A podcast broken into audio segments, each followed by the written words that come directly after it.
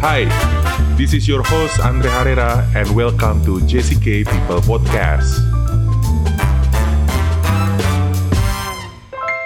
Halo, selamat datang di JCK People Podcast untuk episode yang ke, aduh keberapa ya, udah banyak banget kayaknya.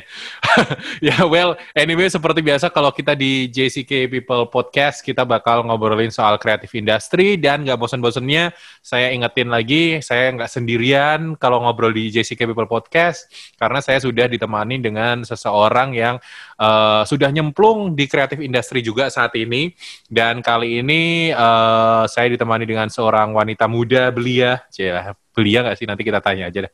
Kita sudah ditemani dengan Sis Dita. Hai, Dita. Halo. Halo, apa kabar Dita? Sehat? Baik, baik, sehat. Sehat gimana? Kakak gimana? Eh, Saya uh, tampaknya seperti sehat atau tidak? Semangat sekali kayaknya ini podcast kali ini.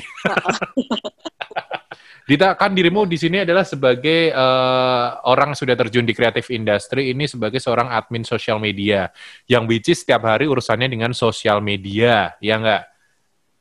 Iya, betul. Ya betul. Tapi kalau boleh tahu backgroundmu sebenarnya dulunya tuh kuliahnya apa? Terus sebenarnya kegiatannya sebelum nyemplung di kreatif industri itu seperti apa? Boleh diceritain nggak sih? Dit? Uh, awalnya itu kampus kuliahnya itu arsitek. Arsitek? Jadi oh pantes ya. Eh, di belakang ada yang lagi malu-malu gitu ya. Lagi renov rumah sebelah. Oh, ya ya ya. Terus arsitek. Mm-mm. Mhm. Tapi ya beda banget sih sama yang kerjaan sekarang. kerja ya jelas sih ya. Kerja sekarang ngurusnya sosmed bukan ngurus ngurus ngurus bangunan orang sih ya. Tapi by the Iya. way kalau dulu eh, kenapa kepikiran untuk eh, masuk di jurusan arsitek? Ada ada impian apa sih sebenarnya setelah lulus kuliah waktu dulu itu? Eh, dulu mikirnya kayak eh, papaku tuh kan juga pembangun, maksudnya kerja kerja apa bangun-bangun rumah gitu. Hmm. awalnya tertarik itu karena dek apa papaku tuh pulang terus bawa maket bentuk rumah gitu loh Mhm. terus ngeliatnya kok kok lucu ya Terus- Mhm. jadi akhirnya tertarik arsitek terus kebetulan aku juga suka gambar ya Oh. akhirnya ke sana Sesimpel itu ya, papa pulang bawa maket, terus tiba-tiba, wah, aku lihat suka. rumah-rumahan lucu ha, betul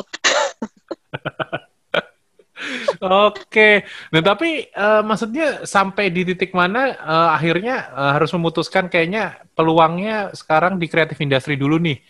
Maksudnya waktu itu keputusannya gimana itu setelah eh, sekian lama kuliah, kemudian eh, sudah punya mimpi pingin setelah kuliah kerja di perusahaan mana misalnya atau bikin eh, usaha sendiri. Nah terus tiba-tiba eh, jadi di profesimu sekarang, itu gimana prosesnya waktu itu? Hmm.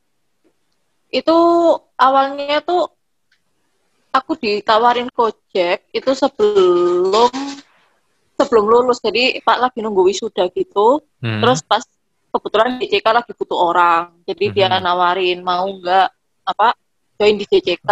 Hmm. Eh, kapan hari sih dibilangnya butuh sekitar tiga bulan soalnya sambil nunggu cari orang gitu kan. Mhm, Terus pas mhm. kebetulan aku juga belum ada planning apa-apa jadi ya tak iyain kayak gitu. Mhm. Eh bablas. Bablasnya itu berapa lama sekarang berarti? Eh, tiga tahun. Waduh, itu bukan bablas lagi, itu udah nggak tahu jalan pulang kayaknya. Udah tiga, Iya. udah tiga tahun. Nah, berarti udah tiga tahun mimpimu dulu pengen bikin market itu gimana? Sudah terrealisasikah belum? Eh, kepake tapi freelance bukan jadi full time. Oh, I see. Ah, ya, ya. Nah, ini mungkin buat teman-teman juga nih ya, yang lagi dengerin kita, sebenarnya di kreatif agency atau di kreatif industri ini, eh, kita bisa fleksibel ya, sebenarnya kalau kita punya, eh, apa namanya, kemampuan lain, tapi dengan catatan memang tidak mengganggu apa profesi kita utamanya mungkin ya, Dit ya, seperti itu ya, Dit ya. Iya betul.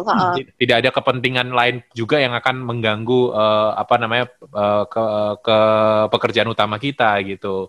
Mungkin selama masih bisa waktunya di handle, selama masih bisa semuanya eh, termanage dengan bagus sih, it's okay aja. Iya nggak sih, Dit?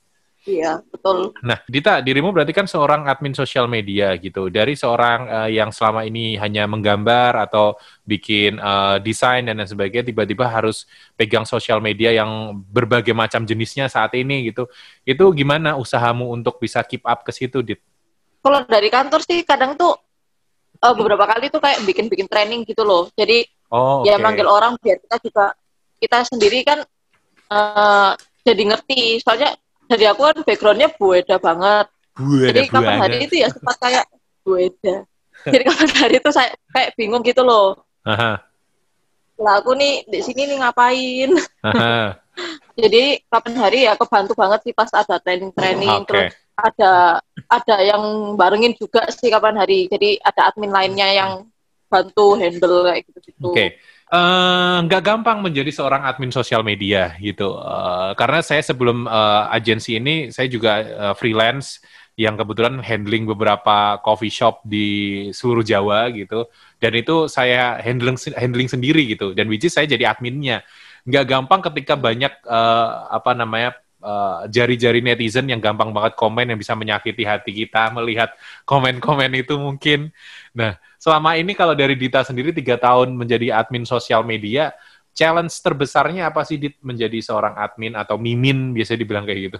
Uh, kadang kayak harus sabar nek pas ada event, Aha. terus uh, kayak baru-baru ini tuh ada lomba gambar gitu kan, hmm. terus uh, aku jadi kontak pesennya, terus hmm. ya banyak banyak yang kayak chat tanya apa, cuman kayak nggak nggak tahu jam gitu loh. Jadi mereka tuh telepon setengah dua belas malam. Waduh. Terus kayak, ah, iki, jadi aku setengah apa udah hampir tidur kan HP-nya memang nggak ke silent. Oh. Jadi bunyi terus kayak kaget gitu loh setengah dua belas ini ngapain orang-orang yeah, ini. Yeah, yeah. Terus kayak ada juga yang kayak baru chat uh-huh. belum lima menit itu udah kayak di ping ping ping ping ping. Di miss call kayak kayak gitu-gitu sih. Uh, lebih lebih ke kalau pas ada event kayak gitu lebih uh, kayak harus sabar. Iya iya benar iya sih lebih ke harus uh, memanage emosi kita ya Dita ya Ya, uh-uh. Jadi uh, kita gimana harus oh sadar itu bagian dari pekerjaan kita gitu. Tapi satu lain kita juga mohon, eh sadar dong ini udah setengah dua belas nggak gitu juga kali. Ah ya. Tapi kan kita nggak bisa mengkontrol itu ya Dita ya. Kita nggak bisa mengkontrol uh, orang lain uh, maunya seperti apa. Mungkin memang mereka slownya lagi jam segitu dan mereka baru inget hmm. mungkin di jam segitu kita kan nggak pernah yeah. tahu gitu uh, apa namanya case orang seperti apa. Tapi yang harus kita tahu gimana caranya kita bisa memanage emosi kita, memanage uh, apa namanya kesabaran kita dan lain sebagainya. Itu challenge terbesar ya Dita berarti ya kalau dari yang kamu alamin. Uh, yang baru-baru ini iya. Uh, yang dulu-dulu berarti banyak masalahmu. uh, ya enggak sih, kurang lebih ke itu sih. Lebih ke situ ya Kayak gimana ya? respon, respon. Uh, Oh kalau kalau ngomongin soal uh, komunikasi gimana Dita? Apakah uh, penting nggak sih seorang uh, admin sosial media gitu harus pandai juga berkomunikasi yang which is mungkin kalau kita ngomongin soal berkomunikasi eh, rata-rata orang mikirnya ya komunikasi public speaking yang langsung ketemu gitu, nggak yang di sosial media mungkin. Tapi kalau bagi seorang admin sosial media perlu nggak sih kemampuan komunikasi yang baik dan benar dan bagus misalnya? Perlu banget sih menurutku. Dan ya, itu salah satu yang apa kelemahanku. Gimana tuh Soalnya kalau boleh? Tuh, nah, tahu uh, aku tuh kan anaknya anu ya kayak pasif banget toh jadi mesti kalau nggak diajak ngomong ya nggak ngomong mesti ngomong sesingkat singkatnya pasif gitu. Jadi pasif pas, aja kayak gini ya Dita ya gimana yang aktif uh, ya oh oke okay. nah jadi pas jadi pas uh, ditanyain orang atau via chat itu kayak balasnya tuh kadang singkat-singkat gitu loh. Oh, Jadi kadang mungkin okay. ada ada yang nangkepnya tuh kayak i adminnya judes kayak gitu gitu loh.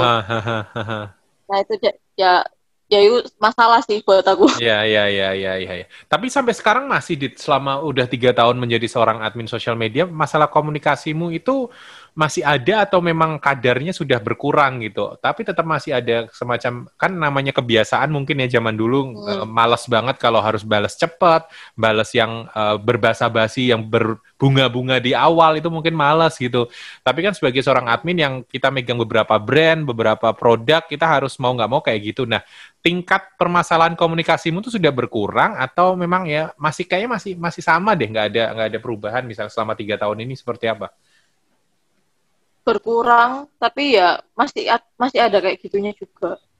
Uh, sometimes masih muncul ya masalah-masalah kayak gitu. Kan apalagi mungkin karena kalau lagi moodnya nggak oke okay dan sebagainya ya Dita ya? Iya ke bawah mungkin ya.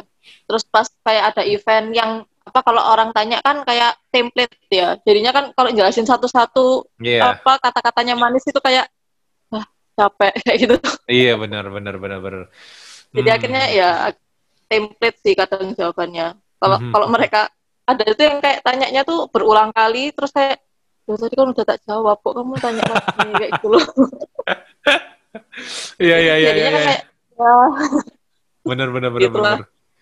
Iya sih, ya berarti emang bener ya selain tadi adalah ya gimana how to manage emosi kita, kesabaran kita, yang kedua adalah uh, cara berkomunikasi kita juga harus harus uh, oke okay gitu supaya orang tidak menginterpretasikannya juga uh, berbagai macam gitu, yang admin yang jutek lah, admin yang galak lah, adminnya baperan lah dan lain sebagainya gitu. Itu pasti ada sih. Berarti emang dua dua kunci tadi yang mungkin bisa dibilang juga modal yang harus dimiliki seorang admin sosmed ya Dita ya.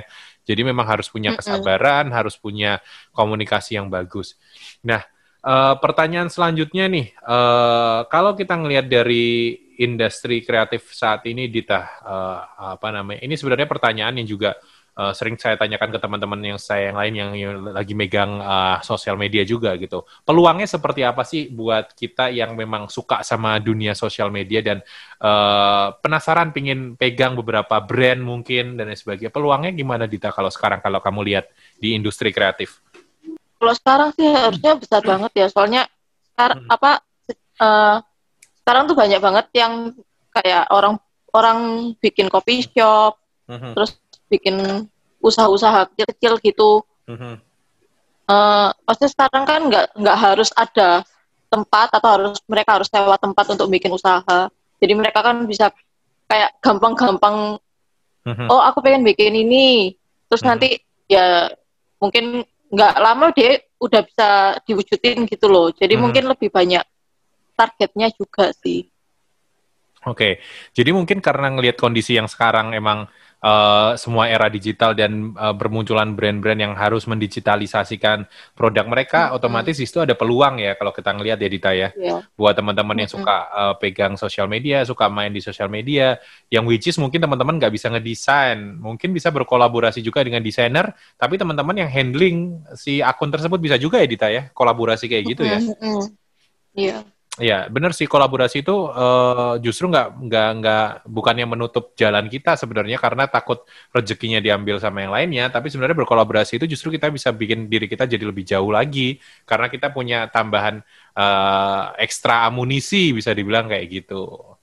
Itu sih menarik sih sebenarnya kalau kita ngomongin sosial media ya Dita ya. Platform-platform kan banyak banget dan Iya, uh, kalau, tambah kalau, lama tahu banyak. Iya, kalau menurutmu sebenarnya uh, kita perlu nggak sih uh, punya kemampuan untuk tahu masing-masing uh, platform itu gimana cara menggunakannya, gimana cara pendekatannya, karena mungkin Facebook dengan Twitter juga beda, Facebook dengan Instagram juga beda. Perlu nggak sih kita skill itu, Dita? Perlu sih, uh, sama juga itu kan, kayak cari target marketnya lebih mm -hmm. ke orang yang main Facebook kah, atau yang main IG, atau mm -hmm. yang TikTok kayak gitu mm -hmm. sih. Saya kan target targetnya tiap platform juga beda-beda. Mm -hmm. Ya benar sih. Benar-benar. Oke, okay. well anyway, thank you Dita buat obrolannya. Terakhir nih Dita, kalau mau teman-teman mau tanya-tanya soal uh, sosial media dan lain sebagainya, mungkin kamu uh, punya pengalaman yang sudah tiga tahun tadi. Nah teman-teman mau tanya, mau nge DM, boleh dikasih tahu Instagramnya atau sosial medianya dong? Uh, Instagramnya di Edita Ayu Anjani. Edita Ayu Anjani. Oke. Okay. Oke okay, Dita, thank you banget buat waktunya. Semoga bisa bermanfaat. Thank you Dita. See you. Thank you for listen Jessica People Podcast and see you next episode. Dah.